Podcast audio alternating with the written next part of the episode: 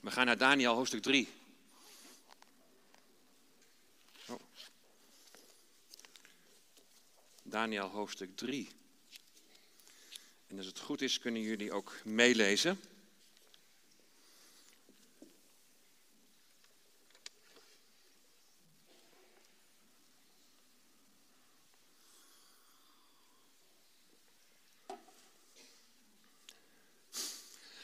Ja, daar zie je al die vurige, die brandende oven. We gaan beginnen vanaf vers 1. Koning Nebukadnezar maakte een gouden beeld. Kunnen we daar misschien even doorklikken? Ja, dankjewel. Koning Nebukadnezar maakte een gouden beeld waarvan de hoogte 60 L was en zijn breedte 6 L. En hij richtte het op in het dal Dura in het gewest Babel. En koning Nebukadnezar stuurde een boodschap om de stadhouders, de machthebbers, de landvoogden, de raadsheren, de schatbewaarders, de rechters, de magistraten en al de autoriteiten van de gewesten te verzamelen, om naar de inwijding van het beeld te komen dat koning Nebukadnezar had opgericht. Toen kwamen de stadhouders, de machthebbers, de landvoogden, de raadsheren, de schatbewaarders, de rechters, de magistraten en al de autoriteiten van de gewesten bijeen voor de inwijding van het beeld dat koning Nebukadnezar had laten oprichten. En ze stonden voor het beeld dat Nebukadnezar had opgericht. En een heraut riep met kracht: Men zegt u aan, volken, natieën en talen. Op het moment dat u het geluid hoort van de horen, de fluit, de citer, de luid, de lier, de panfluit en alle, allerlei muziekinstrumenten, dan moet u neervallen en het gouden beeld aanbidden dat koning Nebukadnezar heeft opgericht. Wie niet neervalt en aanbidt, zal op hetzelfde ogenblik midden in de brandende vuuroven worden geworpen.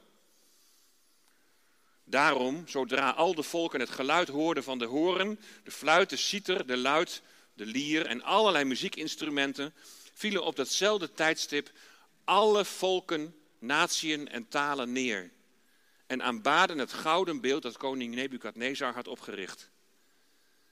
Daarom kwamen op datzelfde tijdstip Galdese mannen naar voren die de Joden openlijk beschuldigden. Ze namen het woord en zeiden tegen koning Nebukadnezar: O koning, leef in eeuwigheid. U, o koning, hebt zelf bevel gegeven dat iedereen die het geluid zou horen van de horen, de fluit, de citer, de luid, de lier, de panfluit en allerlei muziekinstrumenten moest neervallen en het gouden beeld aanbidden. En dat wie niet zou neervallen en aanbidden, midden in de brandende vuuroven zou worden geworpen. Nu zijn er Joodse mannen die u over het bestuur van het gewest Babel hebt aangesteld, namelijk Sadrach, Mesach en Abednego. Dat zijn dus Hanania, Misael en Azaria. Deze mannen hebben op uw bevel, o koning, geen acht geslagen. Uw goden vereren ze niet. En het gouden beeld dat u hebt opgericht, aanbidden ze niet. En toen beval Nebukadnezar in woede en grimmigheid dat men Sadrach, Mesach en Abednego moest halen. Vervolgens werden deze mannen bij de koning gebracht. Nebukadnezar antwoordde en zei tegen hen: Is het waar, Sadrach, Mesach en Abednego, dat u mijn goden niet vereert en het gouden beeld dat ik heb opgericht niet aanbidt? En nu dan, als u bereid bent op het moment dat, dat u het geluid van de horen, de fluit, de citer, de luid, de lier en de panfluit en allerlei muziekinstrumenten hoort, neer te vallen en het beeld te aanbidden dat ik gemaakt heb, dan is het goed. Maar als u het niet aanbidt, dan zult u op hetzelfde ogenblik midden in de brandende vuuroven worden geworpen. En wie is dan de God die u uit mijn handen kan verlossen? Zadrach, Mesach en Abednego antwoorden en zeiden tegen koning Nebukadnezar: Wij hoeven u hierop geen antwoord te geven. Als het moet, kan onze God die wij vereren ons verlossen uit de brandende vuuroven. En hij zal ons, o koning, uit uw hand verlossen. En zo niet? Het zij u bekend, o koning, dat wij uw goden niet zullen vereren en het gouden beeld dat u hebt opgericht niet zullen aanbidden. En toen werd Nebukadnezar met grimmigheid vervuld. En zijn gelaatsuitdrukking tegenover Sadrach, Mesach en Abednego veranderde. Hij nam het woord en zei dat men hij nam het woord en zei dat men de oven zevenmaal heter moest stoken, dan men gewoon was hem te stoken.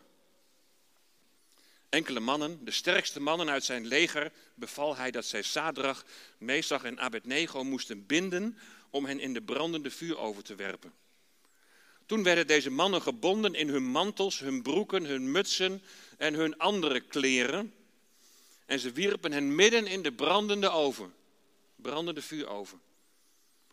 Omdat het woord van de koning zo dwingend was en de oven uitzonderlijk heet gestookt was, hebben de vlammen van het vuur deze mannen die Sadrach, Mesach en Abednego naar boven brachten gedood. Maar toen deze drie mannen Sadrach, Mesach en Abednego, gebonden, midden in de brandende vuuroven gevallen waren, sloeg koning Nebukadnezar de schrik om het hart. Haastig stond hij op, nam het woord en zei tegen zijn raadslieden, hebben we niet drie mannen gebonden midden in het vuur geworpen? Ze antwoordden en zeiden tegen de koning, jazeker, o koning. En hij antwoordde en zei, zie, ik zie vier mannen midden in het vuur vrij rondlopen. Ze hebben geen letsel en het aanblik van de vierde lijkt op die van een zoon van de goden. Toen kwam Nebukadnezar in de nabijheid van de deur van de brandende oven. Hij nam het woord en zei, Sadrach, meester en Abednego, dienaren van de Allerhoogste God, ga naar buiten en kom hier. En daarop gingen Sadrach, meester en Abednego uit het midden van het vuur. Toen kwamen de stadhouders, de machthebbers, de landvoogden en de raadslieden van de koning bijeen. Ze zagen aan deze mannen dat het vuur geen vat had gekregen op hun lichaam. Het haar van hun hoofd was niet geschroeid en hun mantels waren niet verteerd. Ja, er hing zelfs geen brandlucht aan hen. Nebukadnezar nam het woord en zei: Geloofd zij de God van Sadrach, Mesach en Abednego, die zijn engel heeft gezonden en zijn dienaren heeft verlost. Die op hem hebben vertrouwd, het bevel van de koning hebben weerstaan en hun lichaam hebben overgegeven, omdat zij geen enkele God wilden vereren of aanbidden dan hun God. Daarom wordt door mij een bevel uitgevaardigd dat elk volk, elke natie of taal die lastelijke dingen zegt over de God van Sadrach, Mesach en Abednego, in stukken zal worden gehouden en dat zijn huis tot een mesthoop zal worden gemaakt. Want er is geen andere God die zo redden kan. Toen maakte de koning Sadrach, Mesach en Abednego voorspoedig in het gewest Babel. Wat een bijzondere geschiedenis.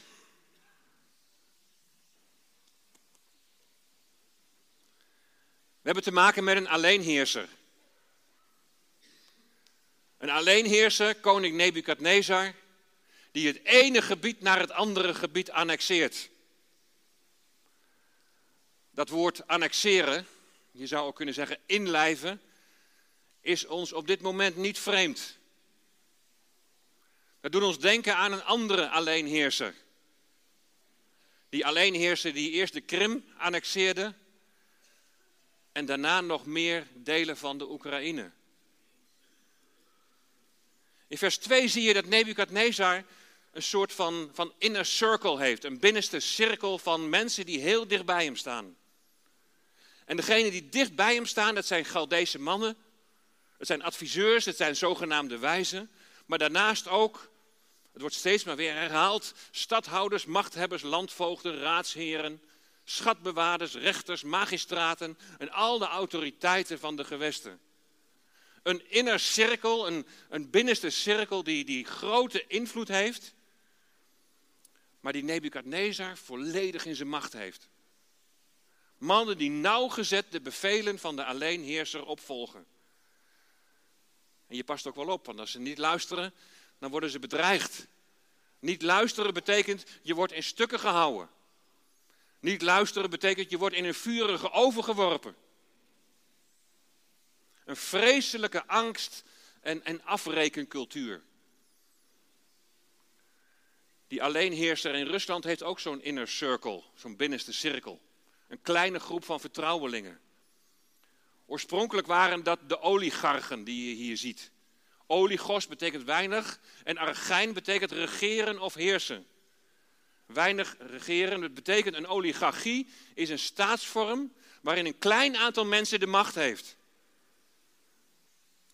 Voormalige grote Sovjetbedrijven die zijn vroeger voor een appel en een ei verkocht aan dit soort mensen.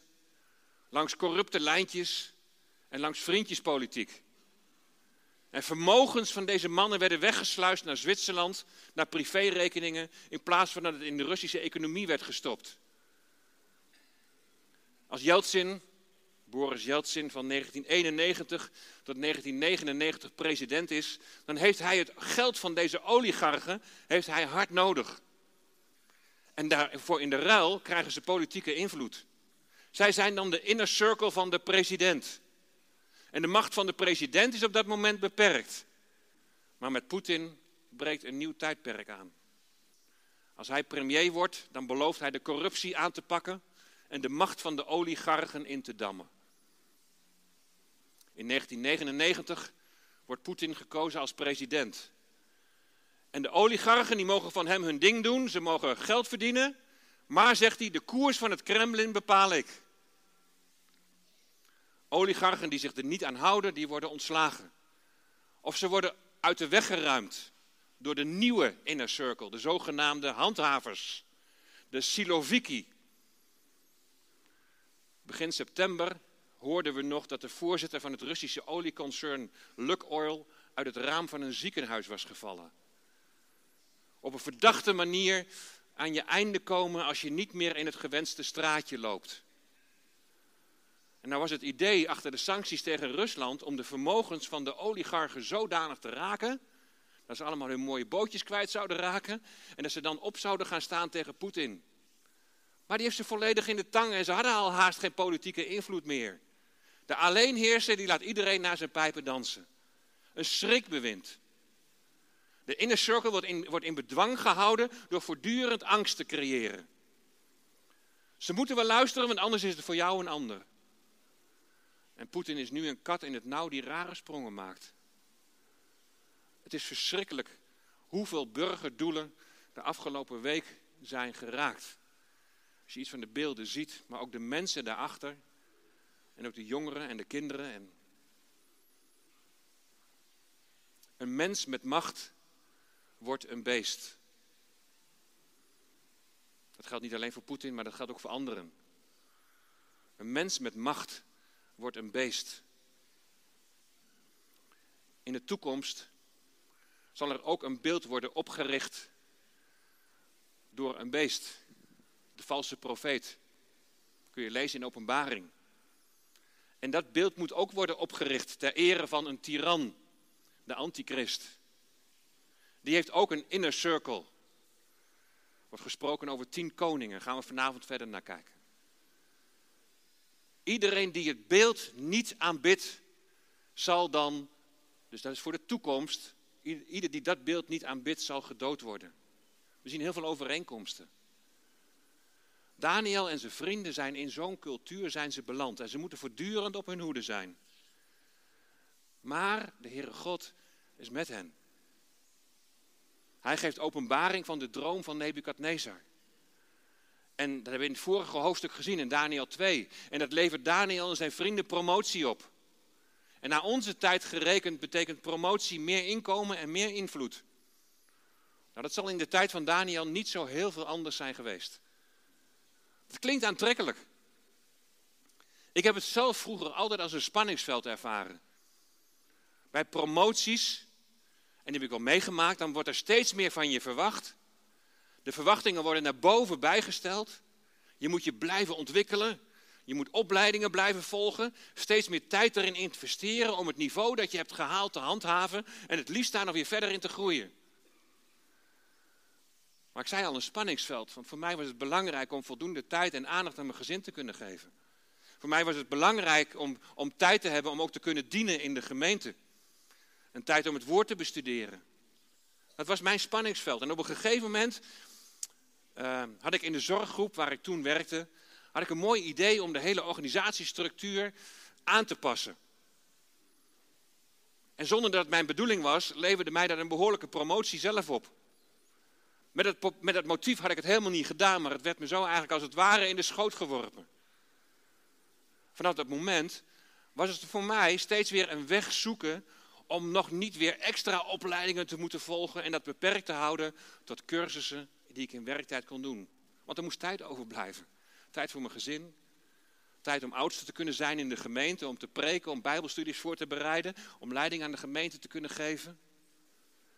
Nou zeg ik niet dat je wars moet zijn van promotie en dat je je niet verder zou moeten ontwikkelen op posities in de samenleving. dat kan ook door God gegeven zijn. En zoals we dat hier zien bij Daniel en zijn vrienden. Zij kregen het ook als het ware in de schoot geworpen met hulp van hun God die openbaring gaf over die droom. Maar de vraag die je wel steeds eerlijk aan jezelf moet stellen is waar, waar zit je hart op? Wat doet promotie met je? Wat doet meer invloed met je? In hoeverre is status belangrijk voor je? In hoeverre gaat je carrière ten koste van je gezin of ten koste van het gemeenteleven? De promotie voor de drie vrienden van Daniel klinkt aantrekkelijk, maar het betekent wel meer verantwoordelijkheid. En promotie betekent ook dat je je dus niet meer kunt verschuilen in de anonimiteit. Je geeft leiding, je wordt gezien, mensen letten op je. Er zijn op dit moment voorgangers die afhaken omdat ze het niet meer aankunnen, zoals zij zeggen, om in een glazen huis te leven. De druk en de verwachtingen nemen zo enorm toe dat ze afhaken. Als je in de spotlight staat, in wat voor functie dan ook, dan wordt er op je gelet. Dan kan het zelfs zo zijn dat mensen jaloers op je worden. En dat ze heel nauwkeurig letten op een misstap. En zo is dat hier het geval. De adviseurs van de koning beginnen te klikken. Er zijn Joodse mannen, dat ligt natuurlijk al gevoelig, buitenlanders op een hoge positie en dan ook nog Joden. Nu zijn er Joodse mannen die u over het bestuur van het gewest Babel hebt aangesteld, namelijk Sadrach, Mesach en Abednego. En deze mannen hebben op uw bevel, o koning, geen acht geslagen. Uw goden vereren ze niet. En het gouden beeld dat u hebt opgericht, aanbidden ze niet. Zie je, ze worden in de gaten gehouden. Ze moeten bij Nebukadnezar op het matje komen. Hij is razend. En hij begint te dreigen. Als jullie het beeld niet aanbidden, dan zult u op hetzelfde ogenblik midden in de vuuroven worden geworpen. Een angst en een afrekencultuur. Het is natuurlijk een teken van zwakte, maar wel heel effectief om je positie te handhaven. En om gedaan te krijgen wat je wil. En zo werkt het met dictators, zo werkt het met alleenheersers. Even geleden was Nebukadnezar nog onder de indruk van de God van Daniel. En nu zegt hij tegen Daniels vrienden, en wie is de God die u uit mijn handen kan verlossen? Nebukadnezar daagt uit. En dan denkt hij dat hij Sadrach, Mesach en Abednego uitdaagt. Maar ten diepste daagt hij de God van Abraham, Isaac en Jacob uit. Je ziet door de hele Bijbel heen, zie je dat er sprake is van een enorme geestelijke strijd. Je ziet hier de strijd tussen licht en duisternis. De heidense koning Nebukadnezar met zijn afgoden en zijn afgodsbeeld enerzijds. En natuurlijk, die afgoden zijn dood. Maar achter die afgoden en achter die beelden schuilen satanische machten en krachten. Anderzijds heb je de drie vrienden met de God van Abraham, Isaac en Jacob. Het is een voortdurende geestelijke strijd om de gunst van de mens. Aan wie geef jij je radicaal over? Aan wie geef jij je radicaal over? Babel staat voor het centraal stellen van de mens. Bij de torenbouw van Babel zie je al dat ze zichzelf een naam willen maken. Het gaat om ik. Het is in de Babylonische cultuur duidelijk dat de koning alle macht heeft en dat hij afrekent met de tegenstanders. De verheerlijking van Nebukadnezar, de verheerlijking van de mens. Nebukadnezar die als een halfgod wordt gezien. Nou, wij hebben in Nederland niet te maken met een alleenheerser. We worden niet gedwongen om voor een bepaald afgodsbeeld te buigen. Maar er is wel een enorme beïnvloeding van ons denken gaande. Een Babylonisch denken waarbij de mens centraal staat. Waar het gaat om het ik. Niet Gods wil, maar de wil van de mens geschieden. Ik heb recht op wat voor mij goed voelt.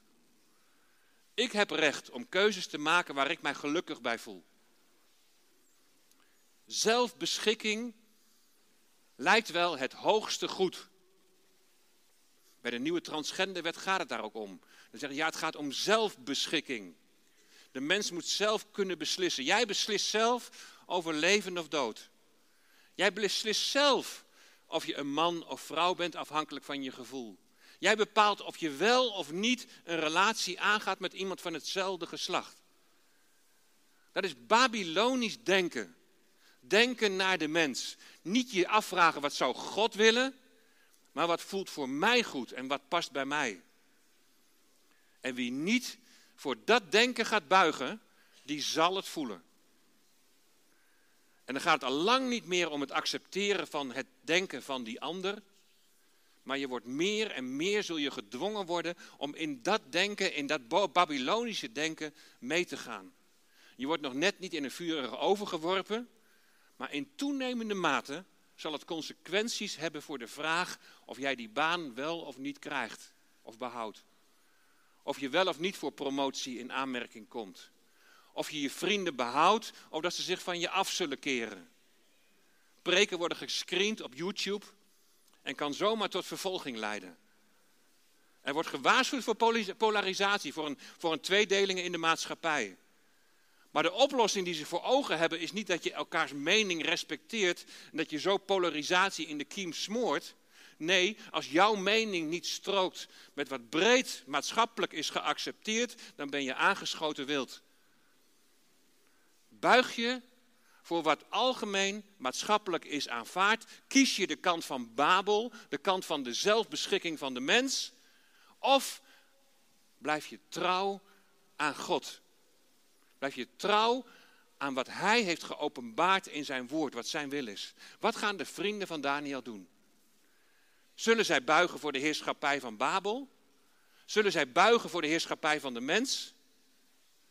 Ik heb me afgevraagd, hoe, hoe zou het geestelijk leven van Daniel en zijn vrienden toen in Jeruzalem zijn geweest?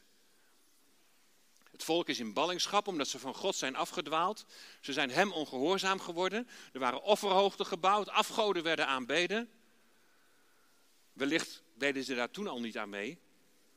En als dat het geval is, zie je dat je kunt lijden als gevolg van de zonde van anderen. God beoordeelt zijn volk als collectief.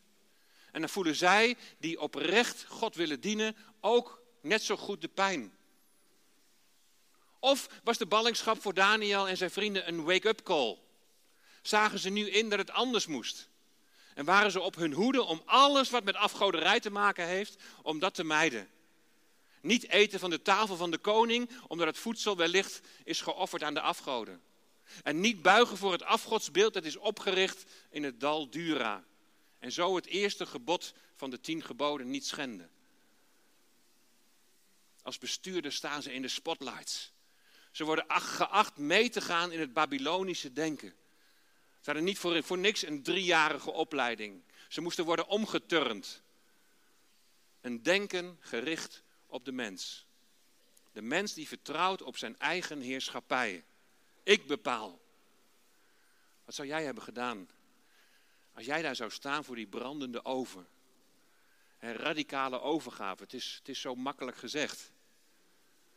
Wat zou je hebben gedaan als je weet dat Nebukadnezar geen moment zal twijfelen om het vonnis ten uitvoer te brengen? Zou God het erg vinden als je dan, dan toch maar buigt? Hij weet toch wel wat er werkelijk in je hart leeft? Het kan toch niet de bedoeling zijn dat ik in een brandende vuurover word geworpen? En je zou, je zou wel eens even in de harten van die drie mannen willen kijken. Wat zullen hun overwegingen zijn geweest? Zouden ze een moment hebben gedacht van hoe kunnen we hier onderuit komen? Ze lijken wel heel resoluut. En ze lijken zonder enige twijfel. Hun antwoord als Nebukadnezar dreigt met de vurige oven vind ik heel bijzonder. Als het moet, kan onze God die wij vereren ons verlossen uit de brandende vuuroven. En hij zal ons, o koning, uit uw hand verlossen.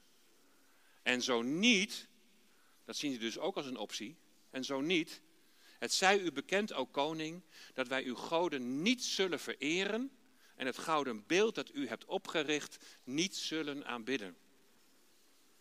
Ze weten van de almacht van God. Hij kan hen verlossen. Maar ze gaan er dus bij voorbaat niet van uit dat hij dat ook zal doen. En dat maakt de, drie vrienden van Daniel blijkbaar niet uit. Het dienen van hun God is niet afhankelijk van het vermijden van lijden. Het dienen van hun God is niet afhankelijk van voorspoed. Als dat wel zo zou zijn, dan is dat Babylonisch denken. Ik dien God, dus eigenlijk, nou dan moet hij dan toch wel dit en dat voor mij doen. Dat is Babylonisch denken waar de mens centraal staat. Niet mijn wil, zei de Heer Jezus, toen hij figuurlijk, als het ware, die oven in moest van het lijden. Niet mijn wil, zei de Heer Jezus, toen hij de weg ging naar het kruis, maar uw wil geschieden. En ook al verlost hij ons niet uit die brandende oven, wij zullen uw goden niet vereren en het gouden beeld dat u hebt opgericht niet aanbidden. Dat is radicale overgave. De wereld buigt voor de wil van de mens. Maar de vraag is, wat doe jij? Ja, wat doe ik? Wat doen wij als gemeente van de Heer Jezus Christus? God vraagt om radicale overgave. Sluiten we aan bij wat breed maatschappelijk aanvaardbaar is en gaan we zo de strijd maar een beetje uit de weg? Laten we ons leiden door wat voor ons goed voelt en waar wij ons prettig bij voelen? Of is de wil van God, die Hij in zijn woord openbaart, leidend in je leven? En ja, dat kan hele vervelende gevolgen hebben. Ze worden met kleren en al in het vuur geworpen. Nebukadnezar verwacht gegil en hij verwacht natuurlijk geschreeuw. Maar dan slaat de schrik hem om het hart. Toen sloeg koning Nebukadnezar de schrik om het hart. Haastig stond hij op, nam het woord en hij zei toen, we hebben toch drie mannen in die oven gegooid? Maar ik zie er nu vier. Ik zie vier mannen lopen midden in het vuur. En ze lopen daar vrij rond. Ze hebben geen letsel en de aanblik van de vierde lijkt op die van een zoon van de goden. Hanania, Misael en Azaria zijn niet alleen. Ik noem ze nu bewust maar even weer bij hun oorspronkelijke naam. Ze zijn niet alleen. Ondanks de omstandigheden hebben ze heel bewust gekozen. En ze mogen weten, God laat ons niet... Zie je daar wat de naam Azaria betekent? Geholpen heeft Yahweh. Of wat dacht je van Hanania? Genadig is Yahweh. Genadig is Hij voor een ieder die niet naar de mens redeneert, maar die de wil van God wil doen. Ze zijn in het vuur geworpen, maar ze zijn niet alleen. En grote vraag is natuurlijk, wie is nou die vierde man? Een Joodse opvatting is dat het gaat om de engel Gabriel, de beschermengel van Israël. De vroege kerk zag in die vierde man de zoon. De zoon van God, de komende Messias. Zou de Heer Jezus, toen hij aan de Emmausgangers uitlegde wat in de schrift allemaal op hem betrekking had, zou hij ook naar dit moment hebben gewezen? Wat het goede antwoord ook is, het was in ieder geval een Immanuel moment. God is met ons. Ze zijn niet alleen. Weet je, de boodschap is, er kan je van alles overkomen als je de zijde van God kiest. En het kan heel vervelende gevolgen hebben, maar de Heer is erbij. In Jezaja 43 wordt dat zo prachtig, zo geweldig mooi beschreven in relatie tot het volk Israël. De Heere, Yahweh, is nabij. Lees maar eens mee. Maar nu, zo zegt de Heere, uw, uw schepper, Jacob, uw formeerder, Israël. Wees niet bevreesd, want ik heb u verlost. Ik heb u bij uw naam geroepen, u bent van mij. Wanneer u zult gaan door het water, de doortocht door de zee vanuit Egypte, ik zal bij u zijn. door rivieren. Denk aan de overtocht door de Jordaan. Ze zullen u niet overspoelen. En daartussenin ligt natuurlijk de tocht door de woestijn. Iets waar de Joden dit moment ook aan denken, het Loofhuttenfeest. Hoe God hen nabij is geweest gedurende de tocht door de woestijn. Wanneer u door het vuur zult gaan. Hé, hey, daar heb je hem. Gedenk aan de vuuroven. Dan zult u niet verbranden. En geen vlam zal u aansteken. Want ik ben de Heere, uw God, de Heilige van Israël, uw heiland. Weet je, hij oordeelt zijn volk met ballingschap, maar zijn straf is geen doel op zich. Het is opdat zijn volk tot inkeer zal komen en dat hij zijn volk zal verlossen. Lees voor jezelf vandaag Jezaja 43 nog maar eens verder. Dan zul je zien dat God belooft dat zijn volk zal terugkeren naar Jeruzalem. De Heer is erbij, wat ook jouw omstandigheden zijn. Hij laat niet alleen. Buig niet voor afgoden. Buig niet voor de wil van een mens. En God zal met je zijn. Ongeacht wat de uitkomst van je omstandigheden ook zullen zijn. Hanania, Misaël en Azaria bogen niet. Zonder ervan uit te gaan dat hun aardse leven gespaard zou worden. Dat is radicale overgave. Laten we het eens op onszelf betrekken in 2022. We gaan zo meteen gaan we met elkaar gaan we opwekking 795 zingen. En in het lied zingen we onder andere Ik lag dood in het graf, bedolven onder al mijn schuld. In een van de apocryfe boeken, daar staat een gebed van Azaria, waar hij verklaart schuldig te staan tegenover God. In Daniel 9 zullen we nog zien dat Daniel gaat bidden, dat hij zich verootmoedigt en dat hij zegt, heren, wij hebben gezondigd. En ook wij moeten zeggen, heren, wij hebben gezondigd. En het zou terecht zijn als wij in het vuur van de hel geworpen zouden worden. Want niemand is rechtvaardig en er is niemand die God ernstig zoekt vanuit zichzelf. Maar de vraag is, ben jij al verlost? Verlost van je leven zonder God? Ben je verlost van je zonde en schuld die je bij God vandaan houdt? Verlost van de macht van de Satan die over je heerst als je niet aan de kant van God staat? Is er enig besef dat je verlost moet worden? Of ben je zo vervuld van jezelf en wat je bereikt hebt dat je God niet nodig hebt? Wat zal het vreselijk zijn als straks je leven eindigt en dat je dan moet constateren dat je in de hel van God verlaten bent. Het is nu nog tijd van genade. Ik wil je oproepen, bekeer je tot God. Aanvaard de Heer Jezus Christus als je redder en als je verlosser. Hij die voor jouw zonde en schuld heeft betaald. En laat het dan vandaag feest zijn in de hemel over die ene of misschien wel meerdere zondaren die zich bekeren. Bid in je hart om vergeving van zonde, om de weg die je zonder Hem bent gegaan tot nu toe. Dank de Heer Jezus voor zijn plaatsvervangende sterven aan het kruis. En vraag om vervulling met de Heilige Geest. Dan zul je ook dat Immanuel moment ervaren op het moment dat je je laatste adem uitblaast. Je de doodsjordaan overtrekt en je in het beloofde land in de hemel zult arriveren. Maar dan zul je ook dat Immanuel moment nu al in je leven mogen ervaren. Je bent met hem onderweg. Voor wie buig jij? Nebukadnezar nam het woord en zei, gelooft, zei de God van Zadrach, Mesach en Abednego. Die zijn engel heeft gezonden en zijn dierbaren heeft verlost. Die op hem hebben vertrouwd, het bevel van de koning hebben weerstaan en hun lichaam hebben overgegeven, omdat ze geen enkele God wilden vereren of aanbidden dan hun God. Nou, wat deze lofprijzing van Nebukadnezar voor waarde heeft, we zullen dat nog verder in het boek Daniel zien. Je kunt prachtige woorden gebruiken je kunt je handen opheffen en God aanbidden in de liederen die je zingt. liederen van toewijding en overgave. Maar hoe is het in je hart? Hoe is het in je hart? Is je hart werkelijk op God gericht? Heb je werkelijk het verlangen om Gods wil te doen?